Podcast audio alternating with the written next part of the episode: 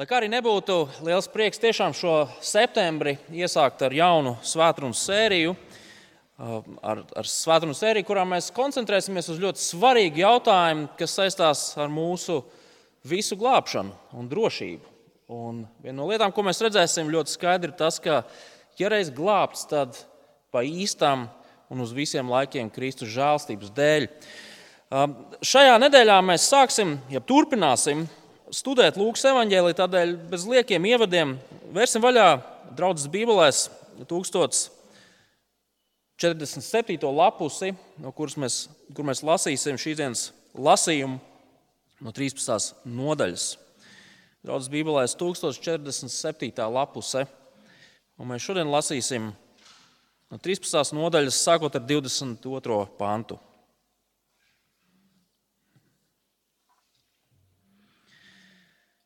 Viņš, tas ir Jēzus, mācīdams, pārsteigāja pilsētas un ciemus, ejot ceļā uz Jeruzalem.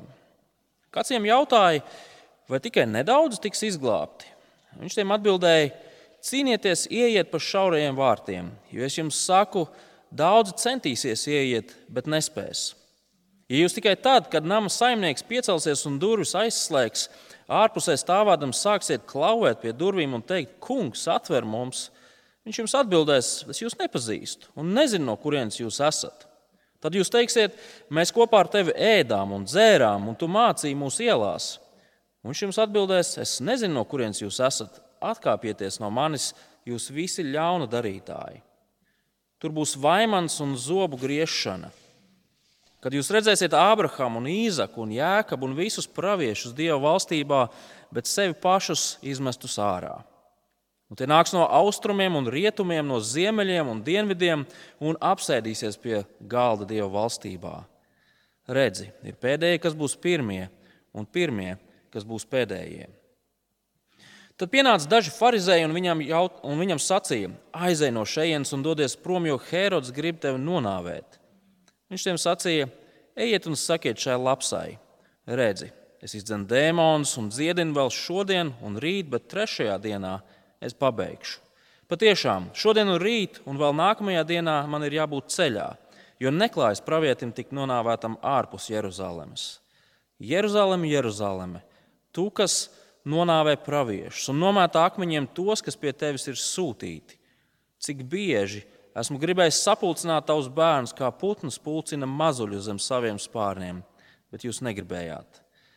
Redzi, jūsu nams jums ir atstāts izpostīts, izpostīts, un es jums saku, jūs vairs neredzēsiet mani, līdz nāks laiks, kad jūs teiksiet, svētīts, kas nāk kunga vārdā. Tas ir Dieva vārds. Amen. Pirms mēs iedziļināmies šajos pantos, lūgsim, lai Dievs mums arī palīdz tos saprast. Dabas Tēvs, mēs Tev pateicamies par to, ka mums ir pieejams Tavs vārds. Mēs pateicamies, ka tas mums ir pieejams latviešu, ka mēs katrs to varam lasīt, liels vai mazs. Un nu mēs lūdzam, palīdz mums to saprast. Palīdz, lai tā nav tikai informācija, bet lai šie vārdi stiprina mūsu ticību, lai tie palīdz mums pieaugt, lai tie palīdz mums dzīvot kā taviem ļaudīm.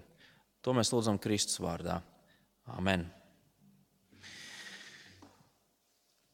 Tātad, kā jau sākumā teicu, mēs nākamos divus mēnešus iesim cauri, sekosim Jēzum un viņa mācekļiem pa ceļam uz Jeruzalemi. Sākot jau ar 9. nodaļas 51. pantu, mēs redzam, kā Jēzus Lūkas evanģēlī ietvaros, viņš pagriežās uz Jeruzalemi, lai dotos pretī tām, kas viņu sagaida Jeruzalemē. Un šī ceļojuma laikā Jēzus ar saviem mācekļiem māca vairākas ārkārtīgi svarīgas lietas par to, ko nozīmē būt dieva glābtam, par to, ko nozīmē būt par dieva glābtu cilvēku, un vēl dažus ļoti svarīgus jautājumus.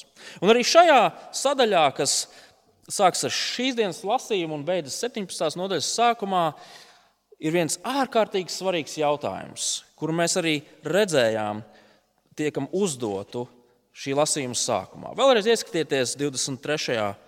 pantā. Kāds viņam jautāja, vai tikai nedaudzi tiks izglābti? Vai tikai nedaudzi tiks izglābti? Glābšana un būšana kopā ar Dievu ir ārkārtīgi svarīgs jautājums. Kā jūs to atbildētu? Vai tikai nedaudzi tiks izglābti?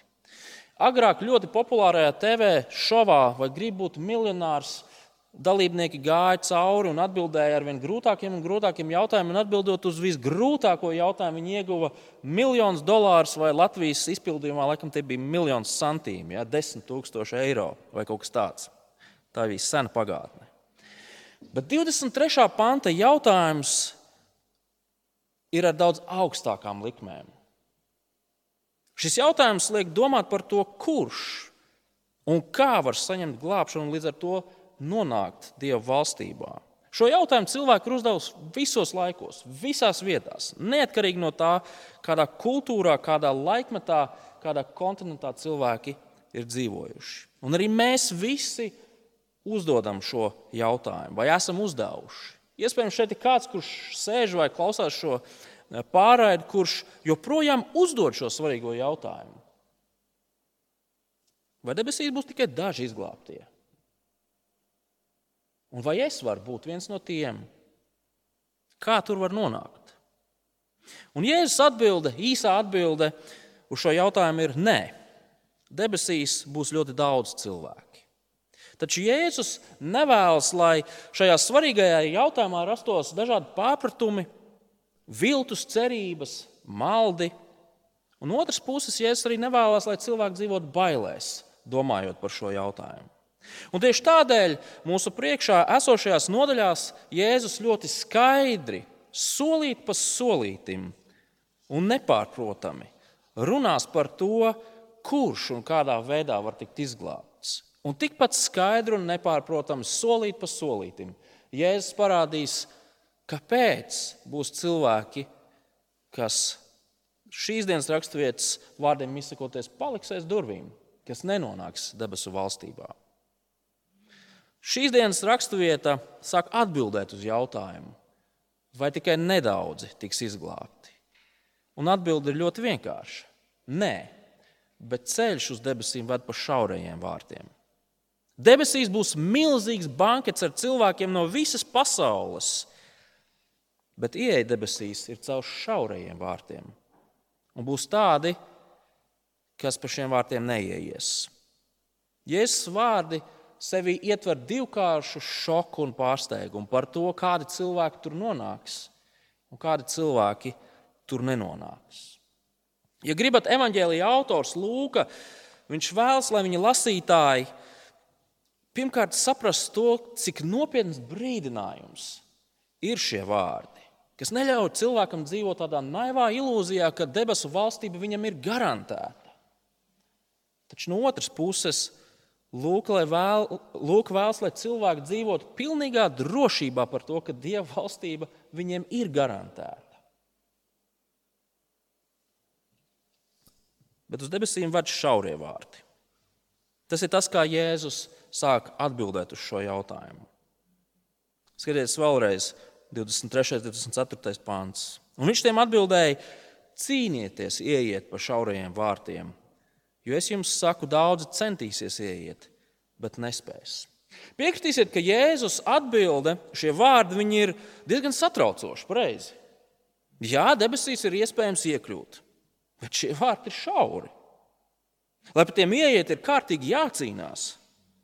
Turklāt būs tādi, kas centīsies to darīt, bet viņi paliks aiz vārtiem. Izklausās nedaudz biedējoši, piekritīsiet. Mirkli padomāsim par šiem, par šiem vārdiem. Fakts, ka pastāv vārti uz debesīm, jau pats par sevi ir labi, pareizi. Tātad ir kaut kāda iespēja piekļūt Dievam, nonākt Dieva valstībā, nonākt debesu valstībā. Taču ceļš pa šiem vārtiem ir smaga cīņa. Grieķu valodā šis, šeit tiek lietots vārds agonēt. agonēt. Tā ir nopietna, sakoncentrēta, mērķiecīga, ne pa labi, ne pa kreisi virzīšanās pretī mērķim. Atvaļinājuma pēdējās dienās man bija brīnišķīga iespēja ar lielisku kompāniju nedaudz pastaigāt pa polijas tatriem.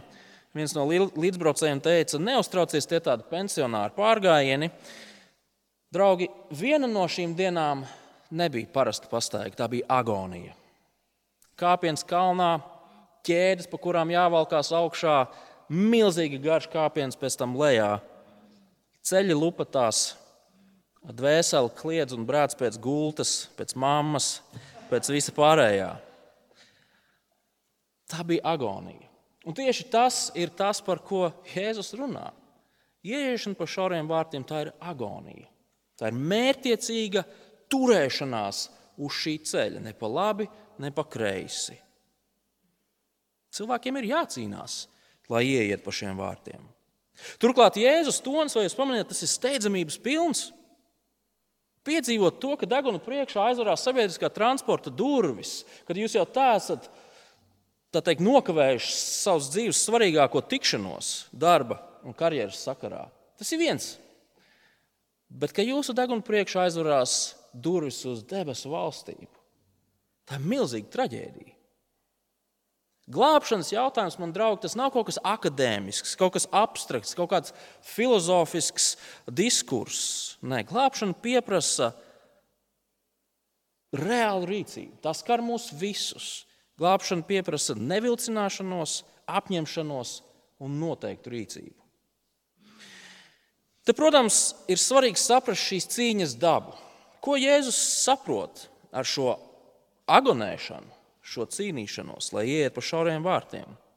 Mēs zinām, ka Bībele ļoti skaidri māca, ka mēs nevaram iemantot debesu valstību ar saviem labajiem darbiem.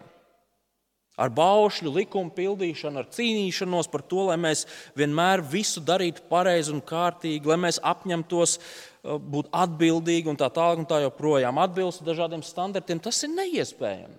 Mēs nenonākam debesīs, tāpēc, ka mēs esam cīnījušies šādā veidā. Lūkas evanģēlī pašā sākumā, pirmajā nodaļā, 77. pantā, Jēzus, atvainojos, Lūka ļoti skaidri saka, ka mūsu glābšana nāk caur grēku piedošanu, ko Dievs savā žēlstībā dāvā cilvēkiem. Glābšana nenāk caur labajiem darbiem, bet gan caur to, ka caur Jēzus darbu cilvēks saņem grēku piedošanu. Un atdošana, grēku piedošana nāk tad, kad cilvēki atzīst, ka viņi ir grēcinieki, par kuriem Jēzus devis savu dzīvi. Cīņa, jeb agonija, par kuru runā Lūka, ir saistīta tieši ar šo. Vai mēs turēsimies pie Jēzus apliecināšanas par savu glābēju un valdnieku, lai kas arī dzīve nenotiktu? Vai mēs turēsimies uz šī šaurā ceļa? Tikai Kristus un viņa žēlastība. Un tieši to arī izgaismo šīs dienas raksturvietas turpinājums, kur mēs redzam vairākus šokējošus, pārsteidzošus lietas. Un pirmais pārsteigums un šoks ir par to, kas paliks ārā, kas neieies pa šiem šaurajiem vārtiem.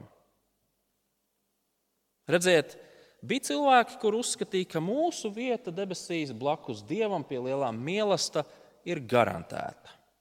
Taču skatieties, ko Jēzus saka no 25. pānta. Ja jūs tikai tad, kad namas saimnieks piecelsies un durvis aizslēgs, ārpusē stāvādam sāksiet klauvēt pie durvīm un teikt, kungs, atver mums, viņš jums atbildēs, es jūs nepazīstu, un es nezinu, no kurienes jūs esat. Tad jūs teiksiet, mēs kopā ar tevi ēdām un dzērām, un tu mācīji mūsu ielās. Un viņš tiem atbildēs, es nezinu, no kurienes jūs esat. Atkāpieties no manis, jūs ļauna darītāji. Ja es saku, pienāks diena, kad debesu valstības šaurie vārti aizvērsies. Un būs tādi cilvēki, kuri jutīsies ļoti pārsteigti, ka tas ir noticis un ka viņi nav pareizajā sēdes pusē. Viņi palikuši ārpusē. Un viņi gribēs, lai saimnieks viņus laiž iekšā. Viņi teiks, bet mēs taču esam bijuši kopā ar tevi. Mēs ēdām ar tevi, mēs dzērām ar tevi, mēs, mēs tusējām ar tevi. Mums bija ballītes. Mēs klausījāmies, tā, kad tu mācīji. Mēs sēdējām tavās, tavās lekcijās, tavos sprediķos. Tad, kad tu uz ielas mācīji, mēs klausījāmies. Tad, kad tu pie, pie, pie kāda mājās mācīji, mēs klausījāmies. Laid mūs iekšā. Bet kāda ir nama saimnieka atbilde? Es jūs nepazīstu. Es nezinu, kas jūs esat, no kurienes jūs nākat un vispār. Jūs esat ļauna darītāji. Jēzus uzrunā savus laika biedrus un ļoti skaidri pasaka kādu ārkārtīgi svarīgu lietu, kas attiecās arī uz visiem mums.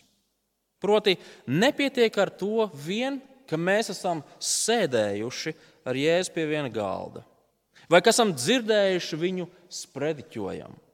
Nepietiek ar to vien, ka varam, varam apliecināt to, ka Jēzus ir vēsturiska persona. Nepietiek ar to vien, ka mēs zinām to, ko Jēzus ir mācījis, ko viņš ir darījis.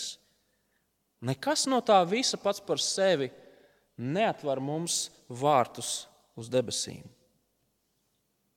Taču mums ir jāsaprot viena lieta, ka Jēzus šajos pantos uzrunā ļoti konkrētus cilvēkus.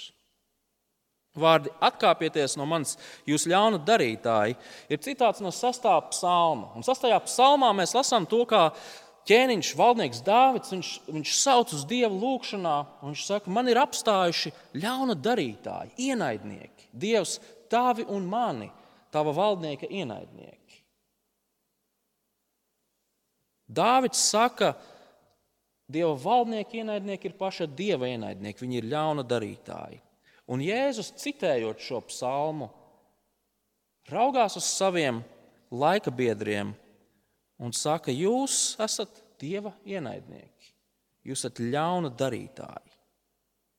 Un nākamajās nodaļās mēs īstenībā ar vien skaidrāk ieraudzīsim to, kādēļ Jēzus šādā veidā nosauc savus laika biedrus. Ne visus, bet it īpaši sava laika reliģisko eliti. Mēs redzēsim vairākus mīlestus, kuros Jēzus patiešām ēd kopā ar šiem cilvēkiem. Mēs redzēsim vairākus mīlestus, kuros Jēzus patiešām māca šos cilvēkus. Viņiem ir taisnība. Mēs ēdām, mēs dzērām, mēs klausījāmies. Taču tā vietā, lai šie cilvēki atzītu to, kas Jēzus ir, viņi slepenībā un klusībā plāno to, kā šo Jēzu varētu vienkārši klusām vai skaļi, bet novākt. Jūda vadītājiem likās, ka viņu vieta debesu valstībā ir garantēta. Viņi bija pareizie cilvēki, viņi, viņi darīja visu to, ko vajadzēja darīt, un vēl vairāk, jo paši viņi bija visus likumus radījuši. Taču patiesībā šokējoši, bet viņi ir ļauna darītāji. Viņi ir cilvēki, kas neredzēja vajadzību pēc dieva valdnieka. Un jūs piekritīsiet man, ka šis ir nopietns brīdinājums visiem tiem, kas savu drošību par nākotni, par glābšanu balsta nevis ticībā Kristum, bet gan savos labajos darbos, savos cilvēku radītajos standartos. Tas ir nopietns brīdinājums visiem, kas saka, ka Dievam tic, bet Kristus viņiem nav vajadzīgs. Tas ir nopietns brīdinājums ikvienam, kurš atzīst, ka Jēzus bija ietekmīgs pirmā gadsimta domātājs, darbinieks, labdaris, bet nekas vairāk. Tas ir nopietns brīnums ikvienam, kurš sakās savā dzīvē, cenšamies ievērot baušļus un dieva vārda noteikumus, bet Jēzu neatzīst par savu dzīves kungu un glābēju. Šeit vietā ir šis klasiskais jautājums. Jūs nonākat Dievu priekšā, un viņš jums prasa, kādēļ man te laist iekšā? Kādēļ? Un, ja jūsu atbilde ir kaut kas cits, kā Kristus dēļ, tad durvis uz debesīm jums būs slēgtas. Jūdu vadītājiem tas bija milzīgs šoks. Tā vietā, lai ieņemtu goda vietu pie dieva galda, viņi ir tie, kas paliek aiz durvīm. Cik traģiski. Bet tas nav vienīgais pārsteigums, ko mēs šajā raksturvietā redzam. Pārsteigums un šoks arī par to, kuri tur nonāks, kuri nonāks un sēdēs pie Dieva valstības galda. Skatieties no 28. panta. Tur būs vaimans un zobu griešana, kad jūs redzēsiet Ābrahamu, Īzaku un Jēkabu un visus praviešus. Dieva valstībā, bet sevi pašus izmest sārā. Un tie nāks no austrumiem un rietumiem, no ziemeļiem un dienvidiem un apsēdīsies pie Dieva galda, pie galda Dieva valstībā. Vai tikai nedaudz tiks izglābti? Šī raksturvieta saka, nē. Izglābti būs ļoti daudzi. Debesis nebūs tukšas. Tur būs centēvi, Ābrahams, Īzaks, Jēkabs, tur būs visi pravieši. Bet ne viņi vien. Tur būs cilvēki no rietumiem, no austrumiem, no ziemeļiem, no dienvidiem, no visas plašās pasaules. Un šī frāze, šī ideja atbalsto to, ko piemēram pravietis Jesaja ir runājis daudzus gadsimtus pirms Kristus dzīvoja. Klausieties, otrajā nodaļā Iesais saka šādus vārdus. Tā notiks tajās dienās pār kalnu virsotnēm, kunga nams, eh, nama kalns sliesies. Tas pacelsies pār augstienēm un tecēs pie tā visas tautas. Daudzas tautas nāks un teiks, iesim, kāpsim kunga kalnā, jēkaba namā, lai viņš mums māca savus ceļus, un mēs iesim viņa takās. Dažas nodaļas tālāk, 25. nodaļā, iesaistās kaut ko līdzīgu. Pulga kungs nu sataisīs visām tautām treknas dzīves šai kalnā.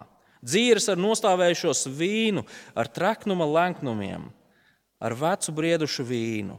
Šai kalnā viņš saplēsīs apsagu, kas klājas pār visu tautu, apklāja, kas sadz visus ļaudis. Uz mūžiem viņš izpostīs nāvi. Kungs Dievs noslaucīs sasars no visu vaigiem. Visā zemē viņš iznīcinās tautas kaunu, jo kungs ir runājis. Pravietis runā par Dieva lielo mīlestību, par Dieva valstību, par to dienu, kad Dievs būs spriedis tiesu pār pasauli un sēdēs kopā ar saviem ļaudīm. Ar saviem ļaudīm no visas pasaules, no visām tautām, no visām debesu pusēm. Milzīgs mīlestības, milzīgs ļaužu daudzums. Un viņi visi kā viens atzīst to, ka Dievs, Dievs ir glābējs, Dievs ir valdnieks. Viņi visi kā viens gribēs dzīvot pēc Dieva prāta. Jūdu vadoņi tajā laikā, Jēzus laikā, uzskatīja, ka, ka pagāni un visi tādi slimie, jocīgie cilvēki tie ir vienkārši malka elles ugunīm. Viņi uz nabagiem, uz izstumtajiem, uz slimajiem raudzījās no milzīga augsta plaukta uz cilvēkiem, kuriem ir tikpat kā nekādas cerības kādu dienu nonākt debesīs. Tas bija tas, kā šie reliģiozie cilvēki raudzījās uz visiem ap viņiem. Taču vai jūs redzat to, kā Jēzus visu sagriež kājām gaisā? Skatieties, 30. pants. Redzi, ir pēdējie, kas būs pirmie, un pirmie, kas būs pēdējie. Tie, kas ir sabiedrības krējums, nu ir pēdējie. Tie, kas bija visu nicināti un atstumti, nu ir pirmie. Mēs varētu teikt, ka sabiedrības elite ir apmainījusies vietām ar pagānu vargiem. Tad šeit ir viens svarīgs piebilde, lai mēs nepārprastu šo pāntu. 30. pāns nemāca to, ka visi pēdējie būs pirmie un visi pirmie būs pēdējie. Tas nav kaut kāds automātisks process. Turklāt mēs jau redzējām, ka debesu valstības ieeja nav saistīta ar mūsu sociālo, ekonomisko vai kādu citu stāvokli. Pareizi. Viss ir saistīts ar to, ko mēs darām ar Jēzu Kristu.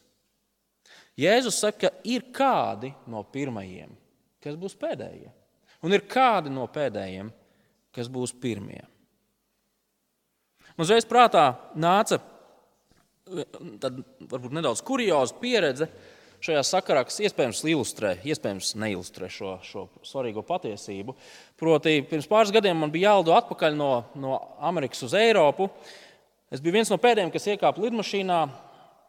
Apkalpes kļūdas dēļ manu vietu bija aizņēmusi ļoti eksotiska ģimene.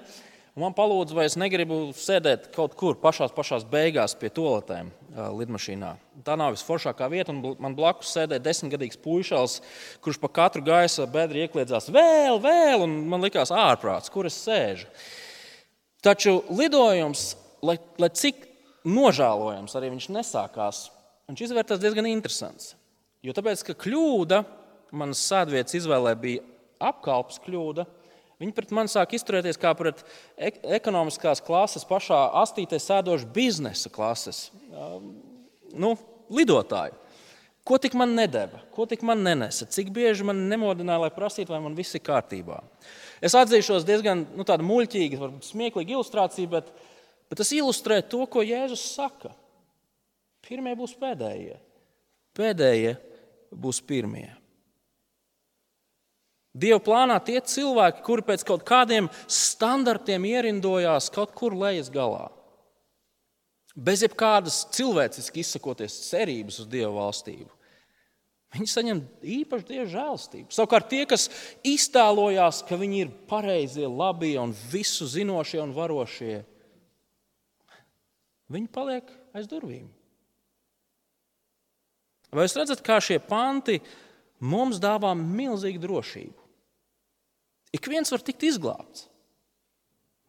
Jā, vārti ir šauri, bet katrs grēcinieks, kurš patiesi Jēzu atzīst par Dievu valdnieku, par glābēju, baudīs mīlestību kopā ar Jēzu.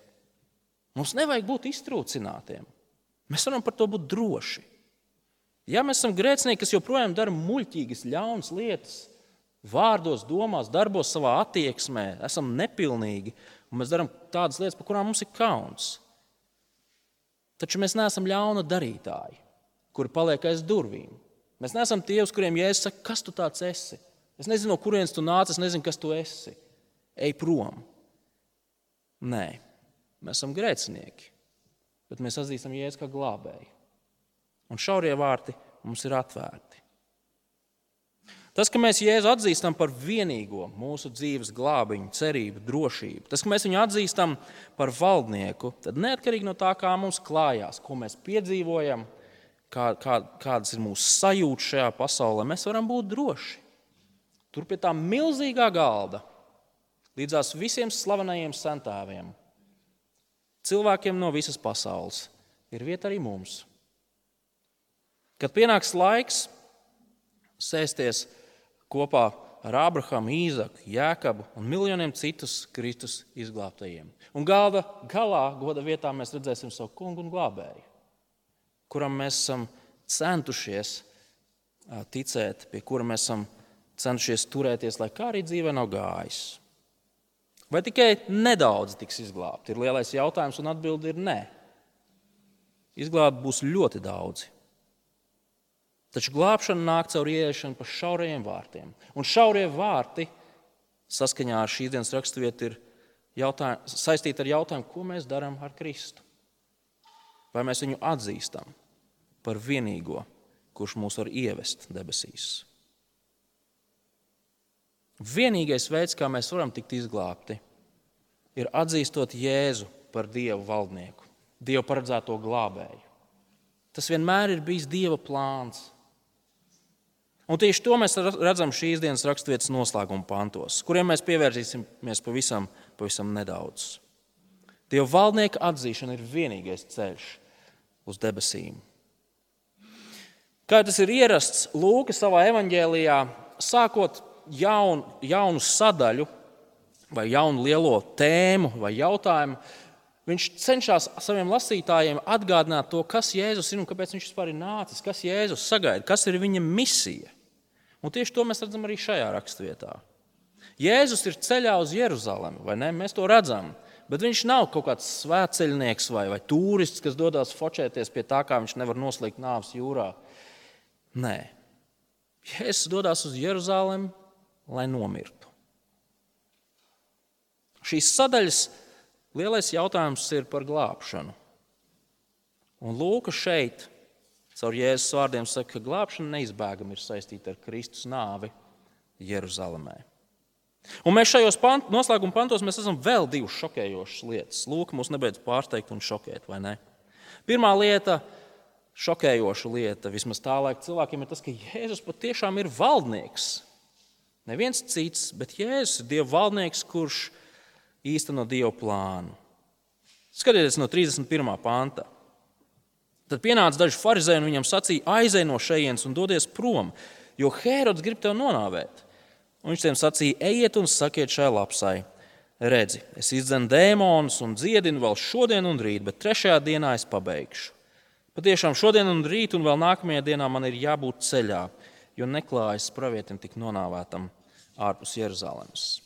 Mēs nezinām, kas ir šie farizēji, mēs nezinām, kāpēc viņi jēzus brīdināja no Hēroda briesmām nodomiem Herods bija savu laiku varenais pareizi. Viņš bija valdnieks. Viņam bija armija, viņam bija, viņam bija teikšana, viņam bija vara. Viņš tika saukts par jūdu ķēniņu, par valdnieku. Viņš valdīja. Un mēs zinām to, kas notika ar cilvēkiem, kas iebilda Herodam. Dažas nodaļas iepriekš Lūkas evanģēlījā mēs lasām to, kas notika ar Jānu Kristītāju. Viņš palika bez galvas Heroda dēļ. Bet ko Jēzus saka? Ejiet un sakiet šai lapsai. Tas ir tāds izteiciens, kas nozīmē, ka Herods jau var būt viskaut kas, bet lapsa ir mazs, smūgs, rudas dzīvnieciņš. Viltīgs var būt tās, bet nekas nopietns. Ejiet un sakiet šai lapsai, redzi, es izdzenu dēmonus un dziedinu vēl šodien, rīt, bet trešajā dienā es pabeigšu. Herods ir cilvēku iecelts valdnieks, bet patiesībā viņš nav lielais un varenais. Ja gribat redzēt patieso valdnieku, tad skatieties uz zīmēm. Vecajā derībā pravieši nepārtraukti runāja par to dieva valdnieku, var atpazīt pēc zīmēm, pēc dēmonu izdzīšanas, pēc dziedināšanas. Aklie redz, kur liet dzird, izlie lec kā stīrnas. Skatieties to, un jūs zināsiet, ka Dieva valdnieks ir klāt. Un tas ir tas, ko Jēzus saka. Herods lapsa, lai viņš, lai viņš tur dzīvojās. Bet skatieties uz mani. Es esmu patiesais Dieva valdnieks, kurš pēc Dieva plāna ir nācis šajā pasaulē. Jā, protams, Jēzus dodas, lai mirtu, un Herods īstenībā vēsturē ies ar to, ka viņš atbrīvojās no vēl viena savu konkurenta. Jā, taču tas viss notiek saskaņā ar Dieva prātu. Tas viss notiek saskaņā ar Dieva plānu. Plānu, kur Dievs pārvalda no sākuma līdz beigām. Jēzus dzīve un nāve ir Dieva pārvaldība. Tas, ka Jēzus mirst Heroda valdīšanas laikā Jeruzalemē, tā ir daļa no Jēzus misijas.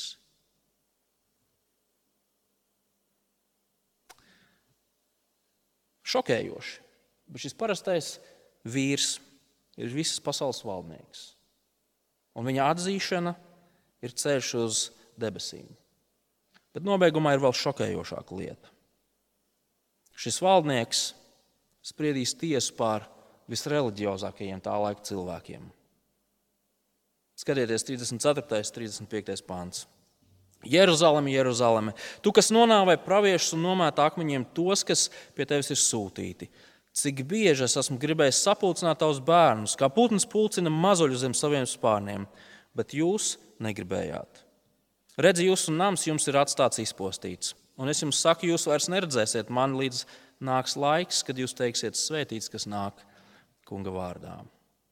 Šokējoši, bet šajos pantos Jēzus nepasaka neko citu, kā vien to, ka Jeruzaleme, šī dieva pilsēta, ir ļaunuma iemiesojums, bezdievības iemiesojums. Jeruzaleme šajos pantos simbolizē visu, kas nav kārtībā. Dieva iecelto valdnieku pilsēta ir kļuvusi par vietu, kurā dieva valdnieks piedzīvos savu pēdējo elpas vilcienu. Dāvida, dieva valdnieka pilsēta, ir pilsēta, kurā nogalina dievu valdnieku. Visa Izraēla tautas vēsture ir pilna ar piemēriem par to, kā Dievs, kā tāda vistu māte, mēģina savus cālīšus sasaukt zem sevis, zem saviem spārniem, lai viņi būtu drošībā, bet jūti to nav vēlējušies. Un nākamajās svētdienās mēs daudz vairāk pievērsīsimies un, un, un mēģināsim saprast, ko šie panti nozīmē. Jo tas ir tas, ko, Paul, ko Jēzus arī mums parādīs, kāpēc ir tā, kā ir. Kāpēc jūdi ir tik stūrgalvīgi? Mēs redzēsim to, kā tas izskatās realitātē. Bet jau tagad mēs redzam, ka viens no svarīgākajiem iemesliem, kādēļ viņi paliks aiz durvīm, ir tas, ka viņi vienkārši nevēlas tur būt. Viņi nevēlas atzīt dievu valdnieku. Viņi nevēlas iet pa šo šauro ceļu. Viņi nevēlas iet pa ceļu, ko ir nospraudis pats Dievs. Viņi nevēlas būt izglābti. Vai tikai nedaudzi tiks izglābti? Atbilde ir nē. Izglābti būs pilnīgi visi cilvēki, kas atzīst Jēzu par savu kungu un glābēju. Un šādi cilvēki būs no visām pasaules malām.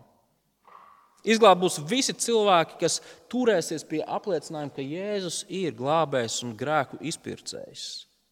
Arī tad, kad būt par kristieti, par Kristus sekotājiem būs nērti, neizdevīgi, nepopulāri un pat varbūt bīstami. Kas nenolaidīs acis no savu kungu, kas ies pa šo taciņu un neies ne pa labi, ne pa kreisi.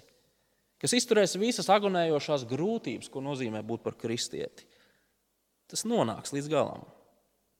Mūsu vieta Dieva valstībā ir garantēta. Pie lielā mīlestības ir, ir zīmītas, kuras ir rakstīts katra jūsu vārds.